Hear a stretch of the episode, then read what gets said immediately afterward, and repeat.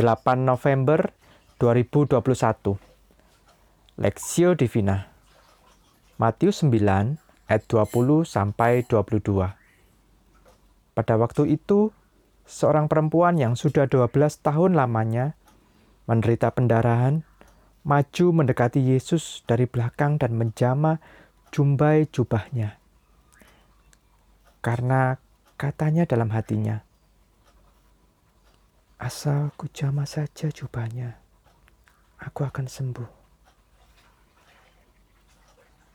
Tetapi Yesus berpaling dan memandang dia serta berkata, Teguhkanlah hatimu, hai anakku, imanmu telah menyelamatkan engkau. Maka sejak saat itu sembuhlah perempuan itu.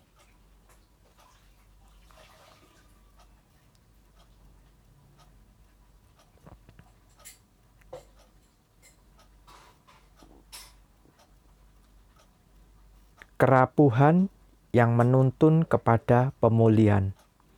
Perspektif. Matius 9 ayat 21. Karena katanya dalam hatinya, asalku jama saja jubahnya, aku akan sembuh.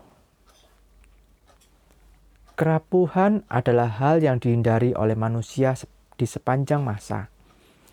Sejak Zaman dahulu berbagai upaya dilakukan agar kita tidak nampak rapuh. Berbagai inovasi teknologi, kosmetika, dan juga perawatan kulit juga dikembangkan secara masif untuk melawan proses penuaan wajah. Berbagai upaya teknologi kesehatan pun dikembangkan untuk membalikkan arah jarum biologis untuk melawan kerapuhan degeneratif tubuh fana manusia. Sosial media juga turut menjadi sarana untuk menutupi kerapuhan hidup kita. Citra diri yang indah dan bahagia diumbar secara berlebihan untuk menutupi perih dan luka dari pelik dan rapuhnya kenyataan hidup. Dalam perikop ini kita menyaksikan justru kerapuhan adalah api yang menyulut keberanian untuk melangkah dalam iman. Kondisi penderitaan pendarahan yang telah dialami perempuan ini selama 12 tahun bukanlah kondisi yang mudah. Mari kita coba pahami dan berempati pada penderitaan fisik perempuan ini.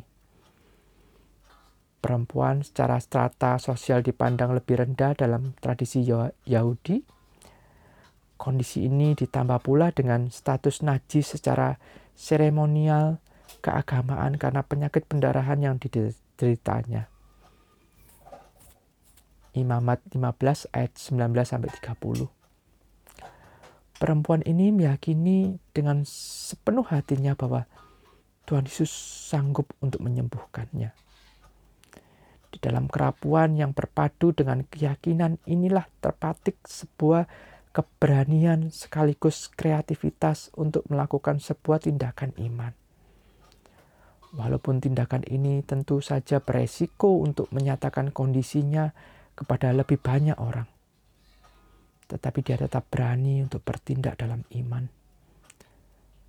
Terpujilah Tuhan Yesus di dalam kuasa ilahinya. Dia berpaling, mengafirmasi dan memulihkan perempuan ini Jangan takut dan gentar ketika menyadari kerapuhan diri. Kerapuhan dalam kejujuran yang diterangi oleh kuasa Roh Kudus adalah kesempatan untuk mengalami kuasanya.